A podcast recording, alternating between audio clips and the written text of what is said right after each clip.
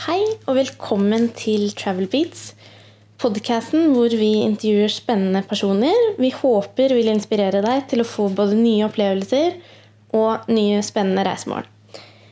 I denne episoden her så har vi tatt turen til en utekafé i Asker. Eh, her snakker vi med Linn Krogh Hansen. Hun er utdannet journalist og sosialantropolog, og i 2018 så ble hun faktisk kåra til årets reiseblogger. I dag jobber hun frilans som journalist, og hun driver aktivt med svømming. I tillegg så har hun da reisebloggen. Og da hun skrev masteroppgaven sin, pakket hun like gjerne kofferten og dro seks måneder til Madagaskar. Dette er bare én av de mange opplevelsene hun deler med oss i denne samtalen. Og du kommer tett på noen av de mest utroligste eh, opplevelsene som hun husker. Og ikke minst får vi et innblikk i hvordan hun aktivt bruker kunnskapen som sosialantropolog i møte med mennesker fra andre verdenshjørner. Vi håper dere koser dere gjennom denne episoden. Det gjorde iallfall vi.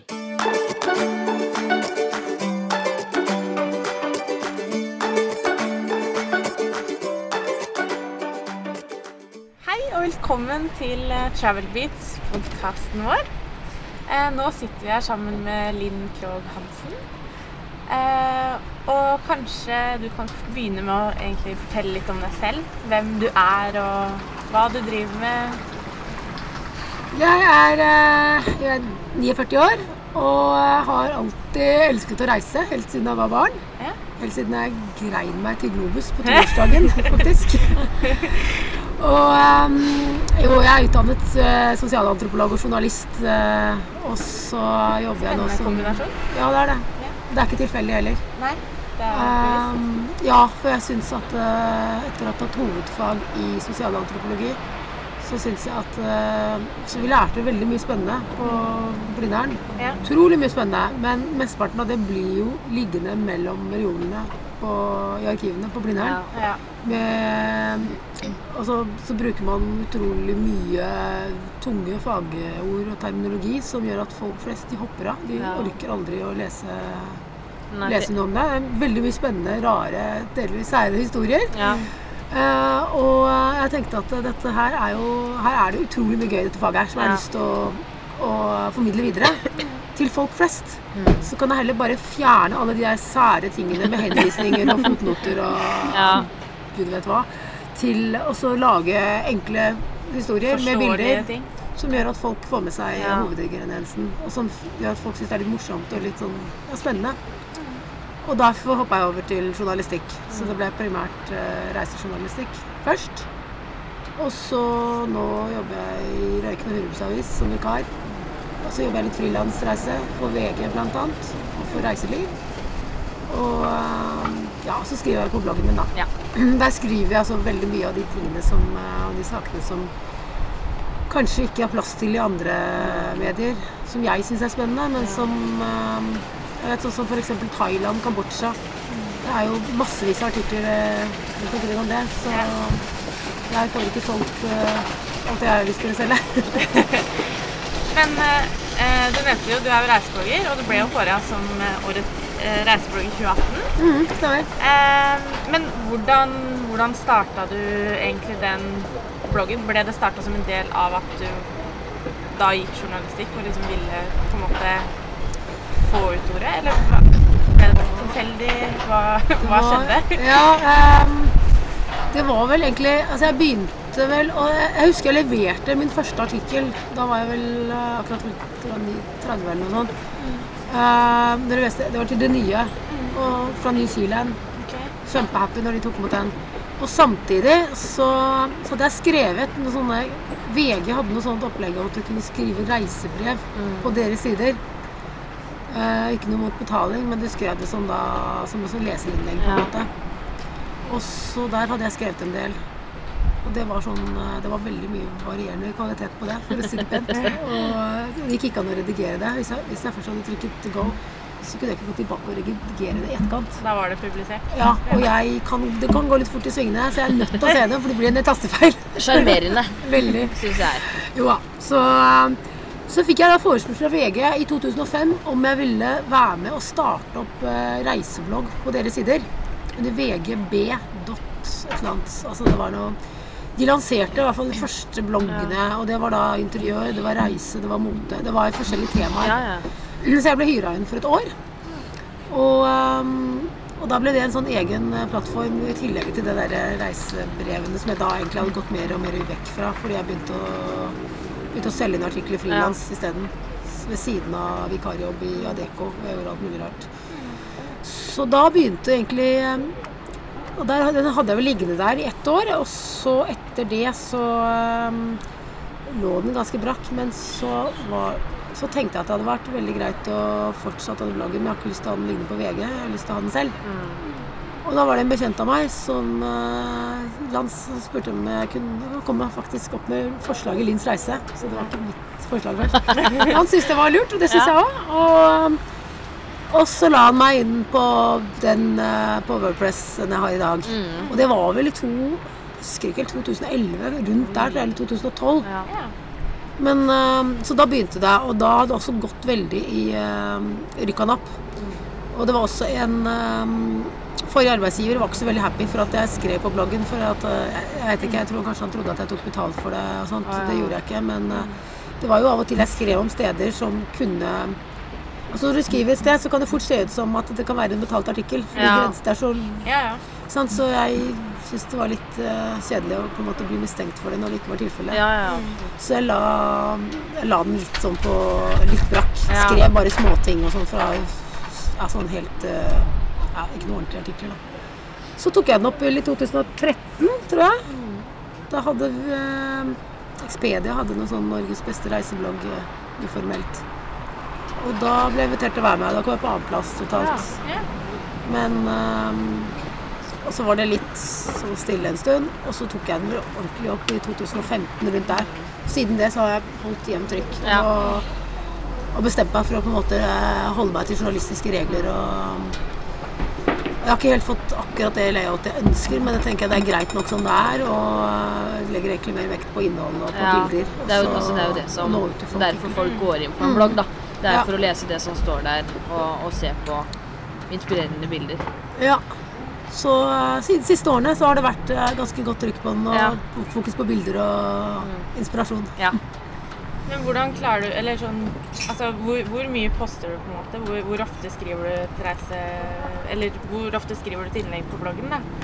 Og hvordan klarer du å finne ting å finne Eller finne temaer å skrive om, og på en måte holde den inspirasjonen oppe hele tida? Jeg skulle gjerne hatt mer tid, fordi eh, Ja. ideelt sett så bør man jo poste med jevne mellomrom, sånn at eh, leserne vet at eh, hvis de går inn f.eks. hver mandag og onsdag, så finner de noe nytt, og så blir det en rutine. Det har jeg ikke klart, og det, når, det er, når jeg har jobb ved siden av, opp til full jobb ved siden av, så går det ikke. Jeg er nødt til å prioritere den andre jobben. Mm. Jeg prøver i hvert fall å ha en artikkel i, i uka i snitt. Ja. Så blir det jo gjerne at det kan plutselig bli flere, men jeg prøver eh, å ikke la det gå altfor lang tid uten at det skjer noe. Og inspirasjonen er der hele tiden. Ja. Ja. Eh, jeg har masse liggende fra upublisert fra siste året som jeg skal publisere. Da gleder vi oss til det. Ja, det er bra. og jeg bare gleder meg til å få litt mer tid. Ja. Eh, og så tenker jeg at jeg også har begynt nå og der, Hvis jeg har litt dårlig tid, eller har gamle ting som jeg har lyst til å ta opp igjen, og som fortsatt er aktuelt, og lage litt mer sånn eh, Fem steder jeg anbefaler, fem strender, fem hoteller. ja. Sånn jeg så du la eh, ut eh, innlegget om de Altså de Var det, var det svømmebassenget? Ja. ja. svømmebasseng. Det syns jeg var veldig fint. Og det er litt morsomt Det syns jeg var litt morsomt for meg, for jeg driver med svømming. Ja. Og da er liksom, for oss så er vi alltid fokusert på at vi skal ha basseng med striper i bunnen for vi kan trene. ja. Og det er klart at for trening er det det vi trenger, men eh, det er ikke så pent å se på altså, for en, når du er på ferie. Nei, nei. Men eh, hvis eh, du skal, altså sånn for andre da, som kanskje har lyst til å, eller har tenkt å starte en reiseblogg, og som lurer litt på skal jeg gjøre det, skal jeg ikke gjøre det, da, så har du noen tips til hva, hva bør de gjøre? Er det liksom verdt det, på en måte? Altså, bør, ja. Altså det er, Om det er verdt det, det er jo hva man vil oppnå med det. Jeg tenker at Hvis man tenker at dette her er et reiseblogging eller noe man skal tenne seg rik på, da skal du ha et veldig kjent navn fra før av. ja.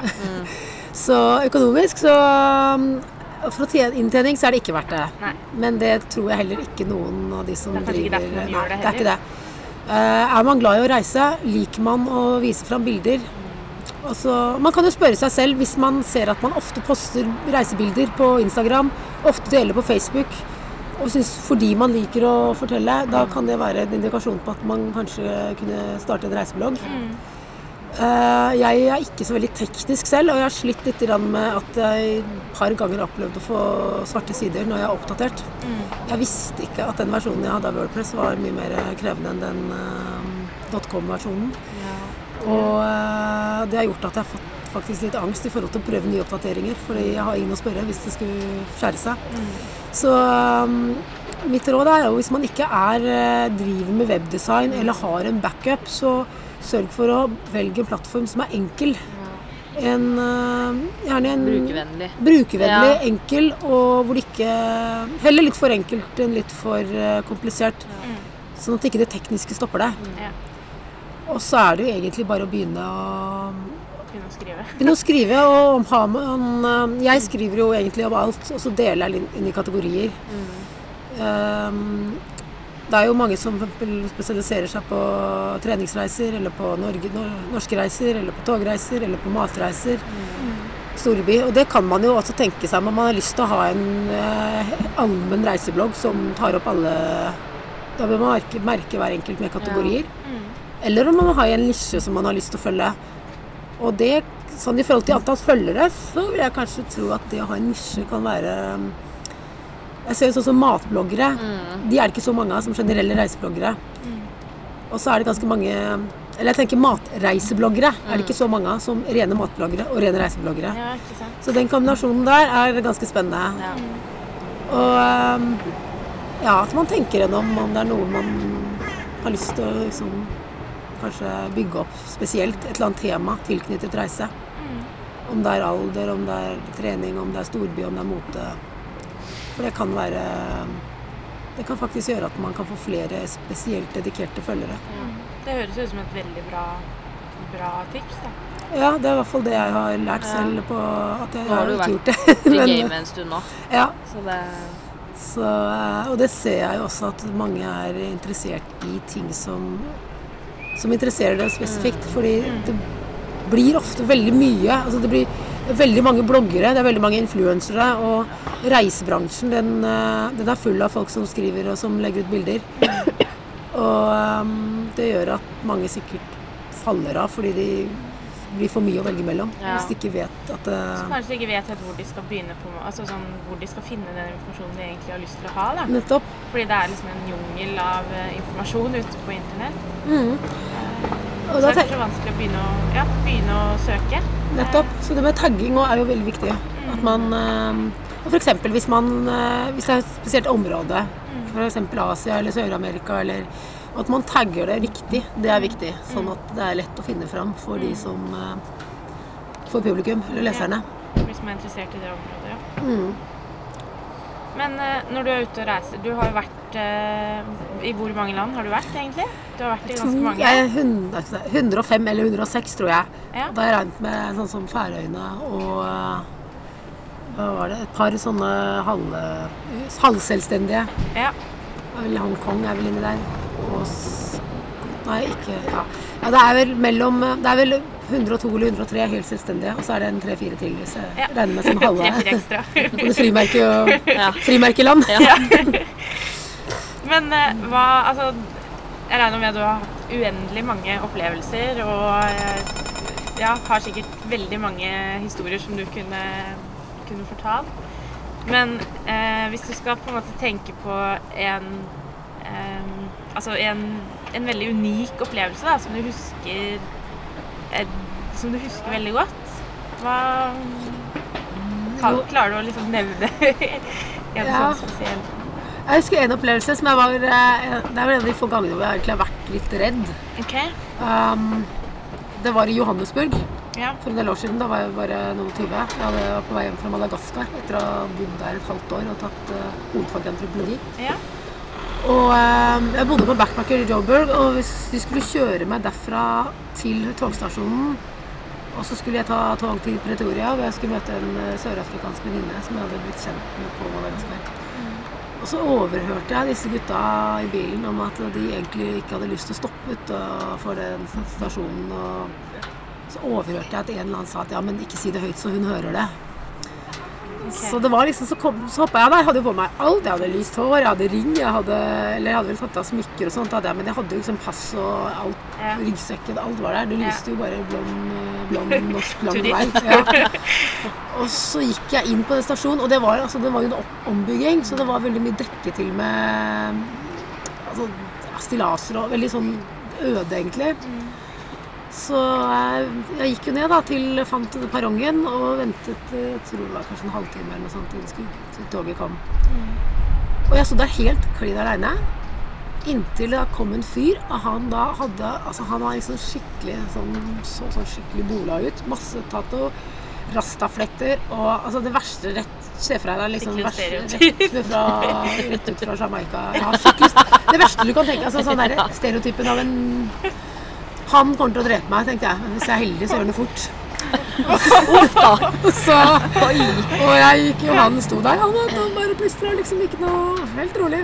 Og så heldigvis da, han, eh, så kom toget uten at han drepte meg. Og jeg hoppa inn i toget i vogna og satte meg ned og så rundt meg. Det var jo ikke en eneste hvit. Det var liksom bare hans Jeg tror alle var i familie med han, hvis han satt der. De så sånn ut. Hjelp, tenkte jeg. Hva er det jeg har gitt meg ut på? Og jeg trodde det toget skulle ta en halvtime, for det tok det å kjøre på motorveien. Og venta og venta. venta. Det tok tre timer til slutt. Men sånn halvveis da, så kom det en liten gutt som solgte is. Og så Jeg turte nesten ikke å røre den, for jeg tenkte hvis jeg tar opp lommeboka mi, så stjeler den. Jeg tenkte det var helt sånn paranoid. da. Men så hadde jeg vel noen småpenger, så jeg tok jo opp og bestilte en is. Og da sitter en sånn gammel, skikkelig svær Mama Afrika siden av meg og holder på å le seg i hjel. Oh, you like ice cream? Ja, gjør det. Og så, holdt jeg på, og så kom dette moderlige liksom bestemoruttrykket ut. Jo da, ja, vi kan si at ikke du er herfra, for de hvite sørafrikanere tar ikke dette toget. Men hvor er du herfra og sånn, da? Ja, det er Norge. Og, og alle plutselig så at alle hørte på hva jeg snakka og jeg fortalte, og de var så hyggelige. Det var en kjempehyggelig gjeng.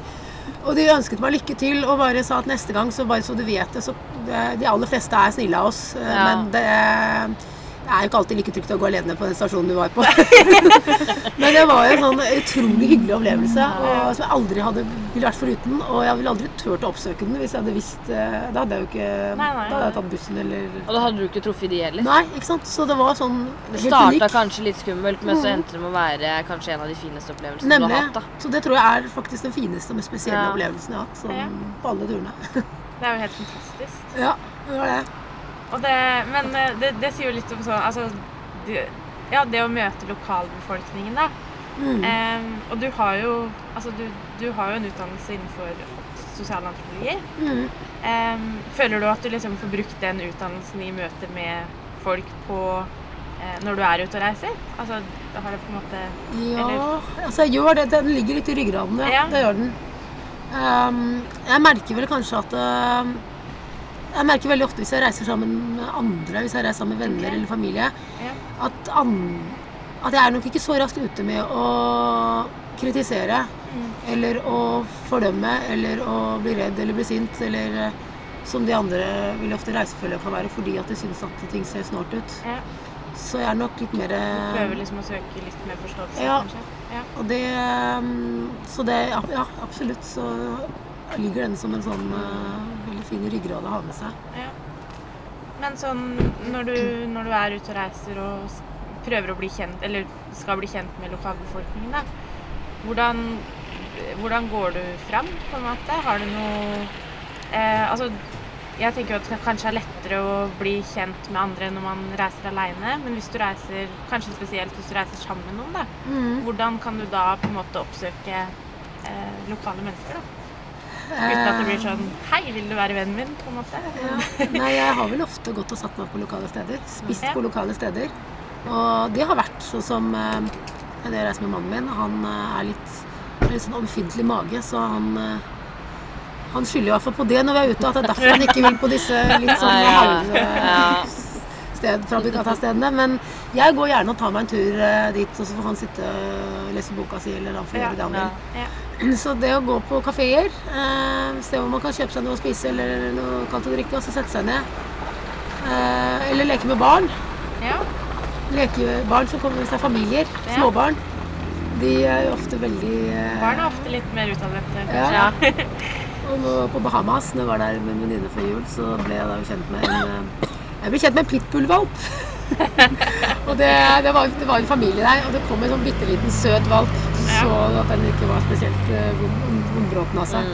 Og jeg så jo på eieren at de Så den eh, valpen og sønnen på kan tenke meg fem år i familien, de to de eh, ble jeg venner med. Ja. Og da kom foreldrene og satte seg ned og så så barn og hunder og, og oppsøke steder hvor folk spiser og drikker og spesielt spiser og sånn da. Ja. Ja. Tenker jeg ikke sånn drikke på kveldstid sånn bar, men jeg tenker mer sånn på dagtid. Ja. er- Men jeg har opplevd det eh, kanskje spesielt i noen afrikanske land, da.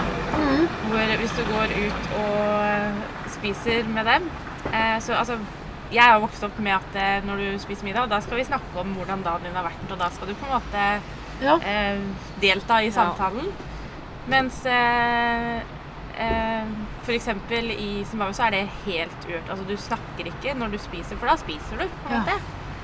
Eh, Ja. så at når jeg da begynner å bable i vei om hvordan ting er, så sitter de og ja, mm, du takk for det, liksom. Men eh, nå må du snakke, altså nå må du slutte å snakke og begynne å, spi Ja. begynne å spise. det, det er jo litt interessant, for i Norge jeg vet jeg at sånn mine foreldre Vi snakker jo veldig rundt maten.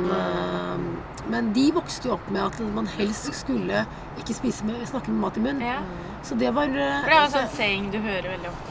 Ja, så jeg lurer på om det hadde noe med at man kanskje i gamle dager satte mer pris på maten. Altså at det var gjett at man fikk den. Jeg tenker sånn som Ja, kanskje, Afrika, ja. hvor det ikke er så Ja. mye mat, Ja. så lett tilgjengelig som oss. At man da At det er en måte å på en måte vise respekt for maten, og så har man snakke. Jeg vet ikke, men det er bare Ja, og, og det er jo ikke det at de på en måte ikke setter pris på at du snakker heller, men det er bare det at eh, de setter mer pris på den maten. da, altså la, Mm. la oss spise, og så kan vi snakke etterpå. på en måte. At maten får den respekten Ja. den, eh, Den den tiden. Jeg syns synes det er en fin ting, Ja. faktisk. Ja, Istedenfor sånn som det er her, da, hvor det går fem minutter Altså du har stått og laga mat i tre timer, ja, så går det fem minutter, så er det ikke mer mat igjen på tallerkenen. Typ. Ja. Altså du hiver det i deg. nemlig. Uh, Istedenfor å sitte rundt bordet kanskje ja, en time, da.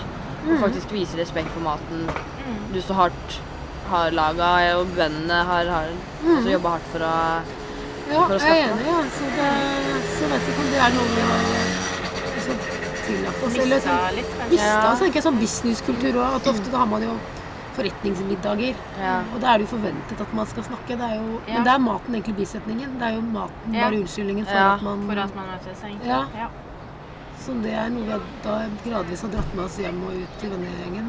Men eh, det er interessant, det der. Ja, jeg hører sosialantropologen eh, komme Men det- fram. Vet du hva, jeg hadde noe kjempe... Det må jeg si, Madagaskar hadde jeg noe lignende Eller det var Jeg ble invitert hjem til familie. Og han eh, mannen der, han hadde jo vært prest i Norge eller noe sånt, tror jeg. Som misjonær. eh, Det var jo noe connection. Og derfor jeg ble invitert, da. Fordi jeg var aleine og ikke kjente noen. Og, og vi spiste masse god mat. Og så um, satt jeg jo Og så prata vi litt etterpå. Så begynner hun ene dama hun begynner å flire litt og le litt, og sånn, og hun eh, kjente jo til norsk kultur. Eh, Så hun fortalte meg det jeg lurte på om jeg var mett. Ja, ja, kjempemett. Tusen takk, veldig bra. Fordi at når jeg satt etter at vi var ferdig å spise der, så betydde det at jeg ikke var mett, at jeg ventet på mer. Ja, for du gikk ikke Nei, så da var det forventet at jeg skulle gå med en gang jeg var ferdig å spise. Og, jeg, og det fikk jeg heldigvis lære da en av de aller første ukene jeg var der. Ja. Så, før jeg flytta ut i bushen, hvor Ja. folk ikke hadde, liksom, folk bare forventet at jeg skulle kunne det uten å Ja. skjønne at dette her måtte jeg få læres opp i. Så det var egentlig en helt motsatt variant av hva jeg eh, jeg satt der og prøvde å være høflig jeg, og tenkte at jeg må prate litt og ikke bare vise at jeg er her for matens skyld. ja. Men det er jo kjempespennende. Sånn der, hvor det, altså, hvordan det som egentlig er en høflighetsfrase for oss, det kan være på en måte stikk motsatte for, eh, for noen andre. Men hvordan Altså Hvordan kan man på en måte unngå å gå i sånne blemmer, da? Eller kan man unngå det? Jeg vet ikke. og Jeg, jeg tenkte En ting jeg veldig ofte tar meg i, det er at jeg eh, kommer til et nytt sted, og så har jeg ikke satt meg inn i hva som er vanlig med driks. Ja. Sånn? Om det forventes, eller om det er eh, om det er forventet fordi det ikke er lagt inn i lønnen, eller om det er lagt inn i lønnen, men at det allikevel forventes litt. ja. Og sånn som når vi var i Myanmar nå, så verken jeg eller mannen min hadde tenkt på det. Mm. Og så blir det vanskelig å finne noen å spørre, i hvert fall de du skal betale, for at de blir jo ikke helt eh, nøytrale, og de vil kanskje ikke Vet kanskje ikke helt hva de skal si. Så det jeg begynte å gjøre, er at jeg prøver å finne noen som enten resepsjonist, eller noen som virker som de har forholdsvis Altså er utdannet, da. Og bare spør og noen som ikke jeg skal betale noe til der og da. Ja. Eller, eh, eller Spør på generell grunnlag, egentlig. ja, på generelt grunnlag. Og også hva, hvordan det er med mat. Og, så, og hvordan, hvis det er noen regler som jeg Men de kommer jo gjerne da etter at man har vært i en situasjon hvor man har følt at man kanskje har tråkka litt i salaten uten at man helt har fått eh, bekreftet det. Ja. Ja. Men jeg spør, altså. Det gjør jeg. Jeg, eh, jeg bare sier at unnskyld meg, jeg kan ikke dette her, men hvordan Hva er det jeg egentlig skulle ha gjort nå? ja. Og det tror jeg Jeg tror det er veldig viktig. Ja, Mm, bedre å, å spørre. Ja, og så tror jeg at de på en måte Altså de aller fleste, da, vil jo kanskje gledelig fortelle deg hva, Ja. du, har te altså, hva du burde ha gjort. Nettopp. Og så Eh, ler de kanskje le- litt, ja. og så blir det en morsom ting Ja. som man får uh, oppklart. Og så har man kanskje break that ice uh, litt, da. Nemlig. Altså, da har man uh, En ny Ja. bekjent. Så blir man kjent, ja. For de blir kjent. Og så viser man jo at man er litt ydmyk. At man ikke Ja. kommer der som en sånn verdensmester eh, fra Europa. ja. For selv om man har reist til ja, 105 land, da, pluss minus, Ja, eh, så er man jo ikke Man er ikke verdensmester i, på alle steder. Man er jo ikke det, nei. Det går ikke. Altså, du lærer jo hele tiden. Nettopp. Men jeg vet ikke, har dere, nå har dere vært i sånn som Korea eller Japan eller noe sånt? Jeg har ikke vært i Korea eller Nei. Japan. Men jeg har studert med ganske mange fra, Ja. altså når jeg bodde i Australia. da. Nettopp. Men uh, ja. Da møtte jeg mange japanere. Men Ja. jeg- skal til Korea nå i sommer. Ja, På, det er egentlig masters-VM i svømming. Ja. ja, Og da skal jeg selvfølgelig reise litt rundt. ja. Og jeg har jo hørt før at eh, sånn som i hvert fall Japan, å gi driks der, det er en fornærmelse, rett og ja. slett. Det var Så ja, nå tror jeg rett og slett jeg skal spørre eh, de eh, kontaktene fra Korea eh, i forkant. Ja. Sånn at jeg vet eh, i hvert fall sånne ting, for det er, det er litt dumt å fornærme folk. Ja. eh, sånn, ja. Og hvis du, Uten å egentlig ha mening. ja, du, ja, du mener liksom ikke å, å Nei. fornærme noen, men så er det det det blir, og så Mm. Så blir det litt så blir eh, det sånn feil ufin uh, stemning, kanskje. Ja. Da er det bedre å, Og så er jeg jo sånn, blitt sånn ambassadør for de norske eller skandinaviske som skal reise dit. Det er ikke så mange, vi er kanskje 50 Ja. totalt. Men eh, det betyr jeg laget en sånn Facebook-side, så jeg legger ut informasjon fra arrangøren. Og da tenker jeg også for de andres del som ikke har noe antropologisk, som Ja. ikke tenker på det, Ja. så er det noen ting som kan være kjekt å vite. Ja, ja, Tips absolutt. og triks før du drar. Ja. Tror det er Det ganske viktig. er nok eh, ikke så dumt, kanskje. Nei, jeg tenker det er jo neste ting som jeg har lært selv. Ja. Men uh, har du noen uh, Eller sånn hva, hva er typ det rareste du har opplevd? Sånn eh, Jeg er blitt beskyldt for hekseri og for at jeg forelska i en fyr som jeg ikke var forelska i på Madagaskar. Jeg så ikke den komme. Nei, det gjorde ikke jeg heller. Jeg har skrevet om det på bloggen, en egen ja. sak eh, om det, egen artikkel om det faktisk. Okay, Om hele Kan du prosessen. utdype den hekse... Jo da, det var en fyr på, i landsbyen der jeg bodde, som var ganske populær blant damene. Han øh, snakka godt fransk, Ja. og jeg havnet tilfeldigvis på bussen med han da, fra byen tilbake til landsbyen. Ja. En sånn busstur som tok vel en eh, det var 30 km, men det tok vel tre timer. enn de Ja. der. Og når jeg kom til den landsbyen hvor jeg da hadde bodd et halvt år, eller bodd ja, i hvert fall noen måneder, sånn at jeg kjente jo alle Det var jo sånn skikkelig sladrelandsby. Så så jo alle at jeg hoppa bussen sammen med han. Og hun ene gassiske venninnen min, Millie, hun eh, kommenterte at, at hun har sett eh, at jeg hoppa han, og han hadde rykte på Han hadde da i utgangspunktet rykte på seg for å forhekse jenter til å bli forelska i seg. Okay. Ja, sier jeg, men jeg er ikke interessert, Mimmi. Sorry. Ja, men det sa de andre òg. Jeg er ikke interessert, så jeg. Bare glem det. Jeg er en hjemme i Norge. Nei, nei, det trodde jeg ikke noe på. For at eh, det, det kommer gradvis, skjønner du, Linn. Du merker det ikke med en gang. Right. Og det endte jo med at eh, Og hele landsbyen hadde sett dette her. Og fyren var sjarmerende. Altså absolutt. Men han hadde overhodet ikke prøvd seg på meg på noe Nei. vis. Men poenget var at han var eh, ganske høyt utdanna i forhold til den landsbyen her hvor de fleste hadde slutta i tredje klasse på Ja. Så vi satt jo og snakka en del om altså religion, filosofi, eh, og han var en veldig ganske sånn interessant fyr. Eh, men jeg så han aldri etterpå, bortsett fra at jeg hilste på han hvis jeg møtte han en annen gang. Men det var aldri noe eh, Men det endte med at jeg måtte ta med Mimmi til en sånn eh, ambiase, altså en sånn trolldame eller sånn synsk, Ja. for å overbevise henne, overbevise Mimmi foran den dama, at jeg ikke var forhekset og blitt forelska i denne Lolo, heter han. Hun ble kalt Lolo. Og jeg satt der og jeg tenkte tenk hvis hun dama her nå spiller på lag med Mimmi ja, og påstår noe annet. altså, Hva gjør jeg da? Og Men kom du deg ut av det? Ja, kom meg ut av det, hun sa at eh, nei, det er helt rett, du er ikke interessert i han, du er faktisk forelska i en hjemme i Norge. Nemlig, sa jeg. Fortell det til hun der. og det var altså skikkelig Ja, vet du hva? Ja. Så det å fortelle det hjemme, da, at jeg liksom blir skyldt for hekseri og mothekseri, det, Ja. Det var ganske mye Hva er reaksjonen du får da, egentlig? Hva... Folk ler jo av det, Ja. men uh, folk som har vært i Afrika, de, de skjønner det. Ja. De kan se for seg det der. Ja. De ler jo fortsatt av det, men uh, de ser for seg at det er faktisk noe som reelt kan oppstå. Ja. Og uh, jeg tenker på at i den sam eh, samfunnet der så har du ikke noe Mange har slutta på skolen, men noen har ikke gått på skolen engang. Eh, De snakker dårlig fransk. De, eh, de hadde ikke noe sånn si, eh, psykologer eller filosofer eller utdannelse som kunne på en måte Så alt gikk, alt gikk jo liksom gjennom mye av disse eh, klarsynte. Ja. Og noen av de var nok eh, helt eh, de nå de hadde kanskje evner. For det var en som påstod for meg at eh, den personen jeg var forelska hjemme, hadde et stort arr her. Og det stemmer. Oi. Og det er faktisk jeg tenkt på. Altså, sånn, hun der eh, trolldama der borte har null sjanse til å vite, Vite det. det. Og hun skulle heller ikke ha penger for tjenesten. Nei. Så det var jo egentlig positiv eh, ting at hun ikke gjorde det for pengenes skyld. Det er for så vidt fint at hun da sa at du ikke var frelst. Ja, så hun kunne fint ha kanskje sagt at jeg var det, og så kunne hun tatt Ja. penger for å si det motsatte. Ja, ja, ikke sant? Så, eh, så det var eh, Men for mange der så tror jeg det den, disse synske ble på en måte Og forfedrene ble en sånn eh, Det var de de stolte på, det var de de gikk til i krisetilfelle. Og mange sa jo det. At de eh, egentlig ikke trodde på det, men hvis det var noe de virkelig ville ha svar på, så gikk de dit. Ja.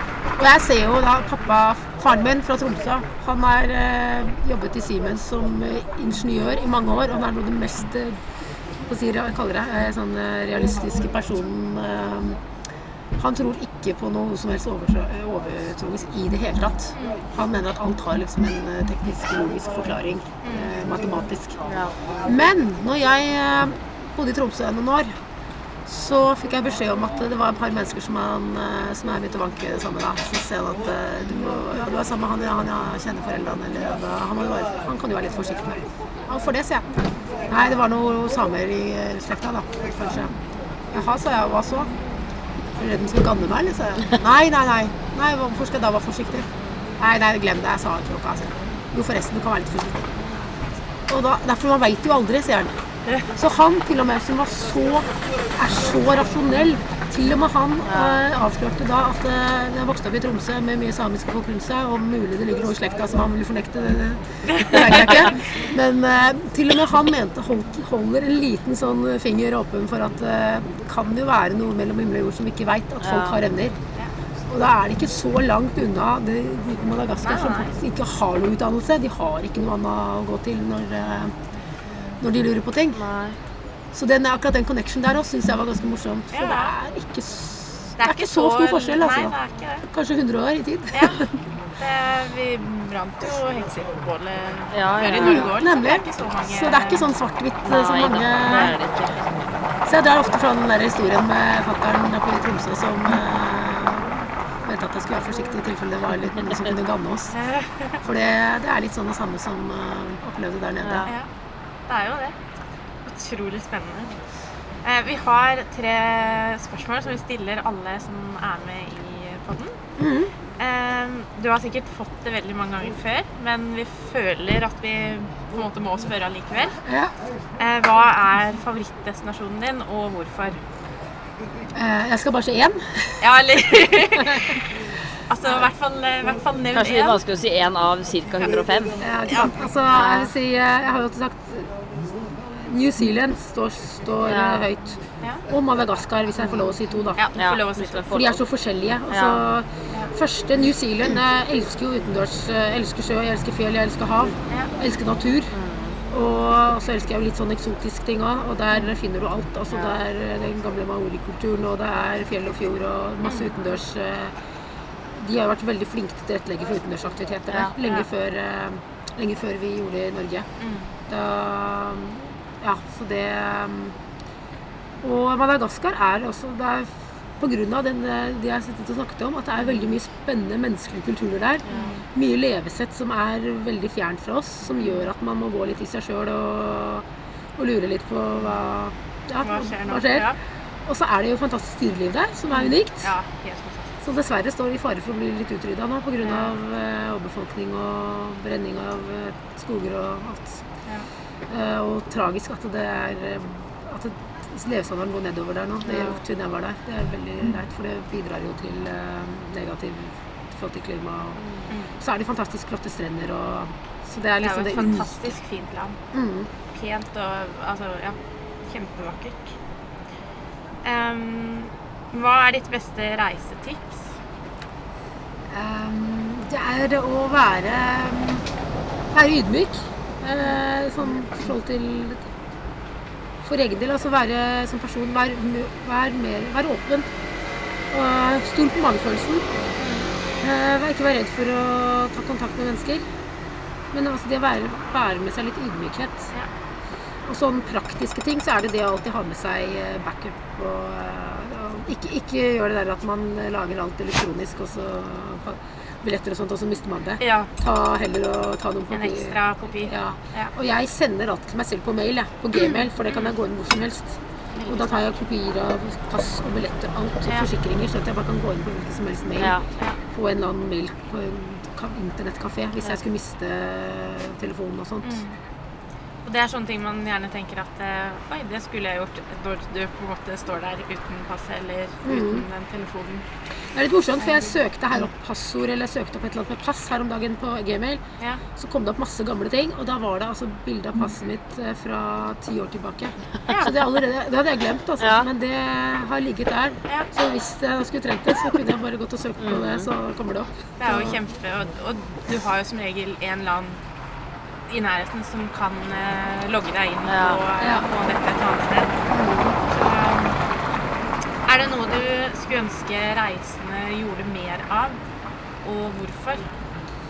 Jeg skulle ønske at man var litt mer opptatt av eh, å bli kjent i lokal, altså bli kjent med mennesker der man kommer. Eh, at man setter seg litt inn i Bruker litt tid på å finne ut hva folk lever av, hva de er opptatt av, hva de lever for. eh, hvilke utfordringer de har i hverdagen. Bli litt mer, være litt mer interessert i de stedene de kommer til. Om det så bare er for at du er der noen dager.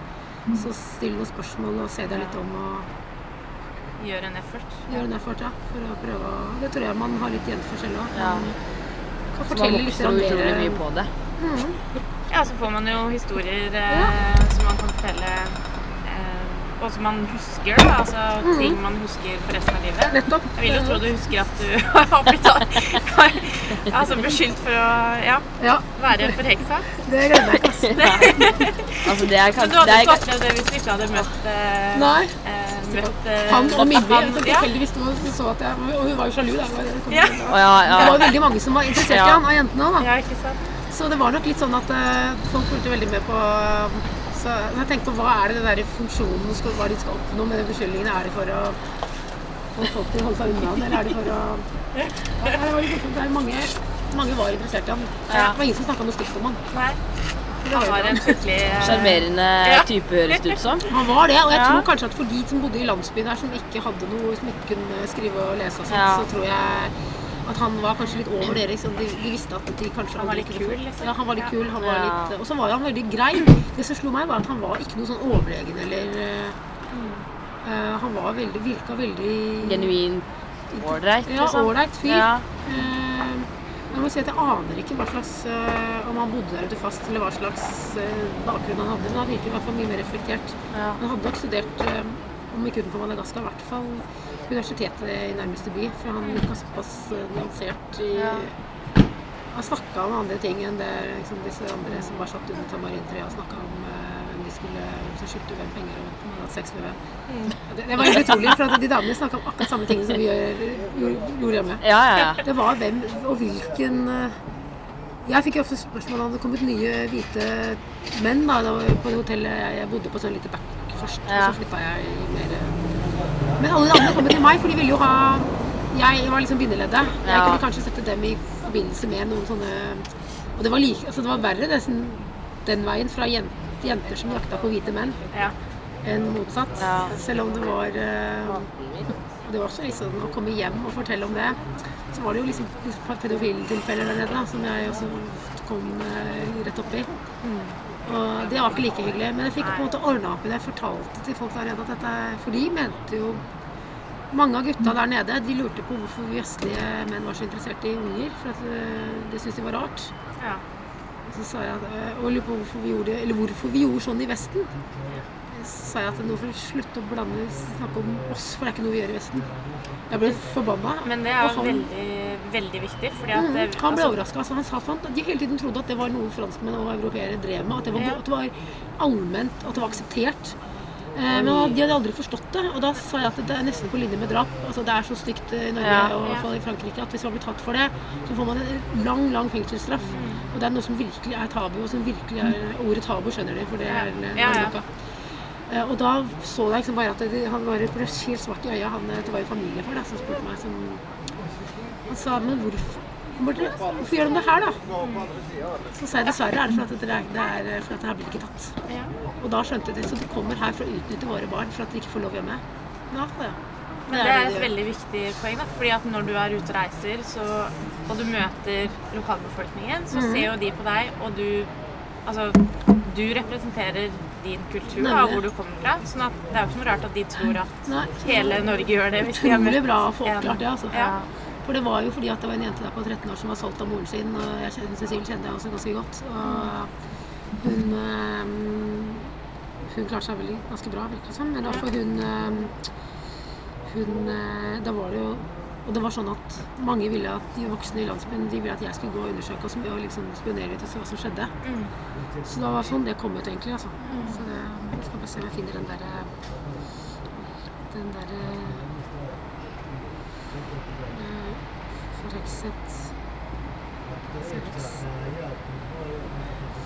det er veldig viktig. Og altså, ja, man har et ansvar når man reiser òg. Ja, det har man også. Det, For å faktisk oppføre seg ordentlig. Mm. Eh, og liksom vise vår kultur overfor de man møter, da. Her har vi Mimmi, vet du. Ja, der er Mimmi. Ble jeg forhekset? Nå er vi ute på, nå er vi på bloggen. Er vi på bloggen, ja. Her er det. Her har vi jo Fantastisk. Her har vi Mimmi som vet at det, det hun ler også. Det gapet, vet du. Ja, Sånn sitter hun og lo av meg når jeg fortalte jeg ikke var forelska. det er faktisk verdt å gå inn på, Mm. gå inn Og Cecil, den. da. Det er hun som var var 13 år og ble solgt av moren sin. Hun har holdt på å le seg i hjel. Sånn. Så ingen som Så det der ble jeg forhekset, heter det. Det er en ganske morsom eh, historie, den er- altså, for den er litt sånn eh, surrealistisk. Ja. Ja. ja, men det virker jo helt Jeg har hørt en eh, sånn historie i hele mitt liv. Men jeg syns det er helt Nei, jeg bodde her et halvt år, Ja. så jeg bodde i Stråhytte. Og jeg omgikk jo disse For jeg skrev jo om hvordan uh, hovedoppgaven din var hvordan tradisjonell religion og hekseri har påvirka samfunnet i forhold til Ja. moderne altså, samt, ja, Hvordan gamle Oslo henger igjen og fortsatt påvirker moderne utvikling.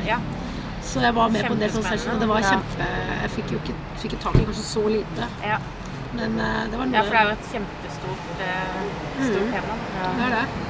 Ja, så utrolig kult. Tusen takk for Jo, at det eh, veldig- du var med i poden vår. Ja, Jeg det er utrolig inspirerende å høre om alle, alle historiene. Ja. Ja, ja, det er, jeg gleder meg til når dere begynner å sende, legge det ut, eller? ja.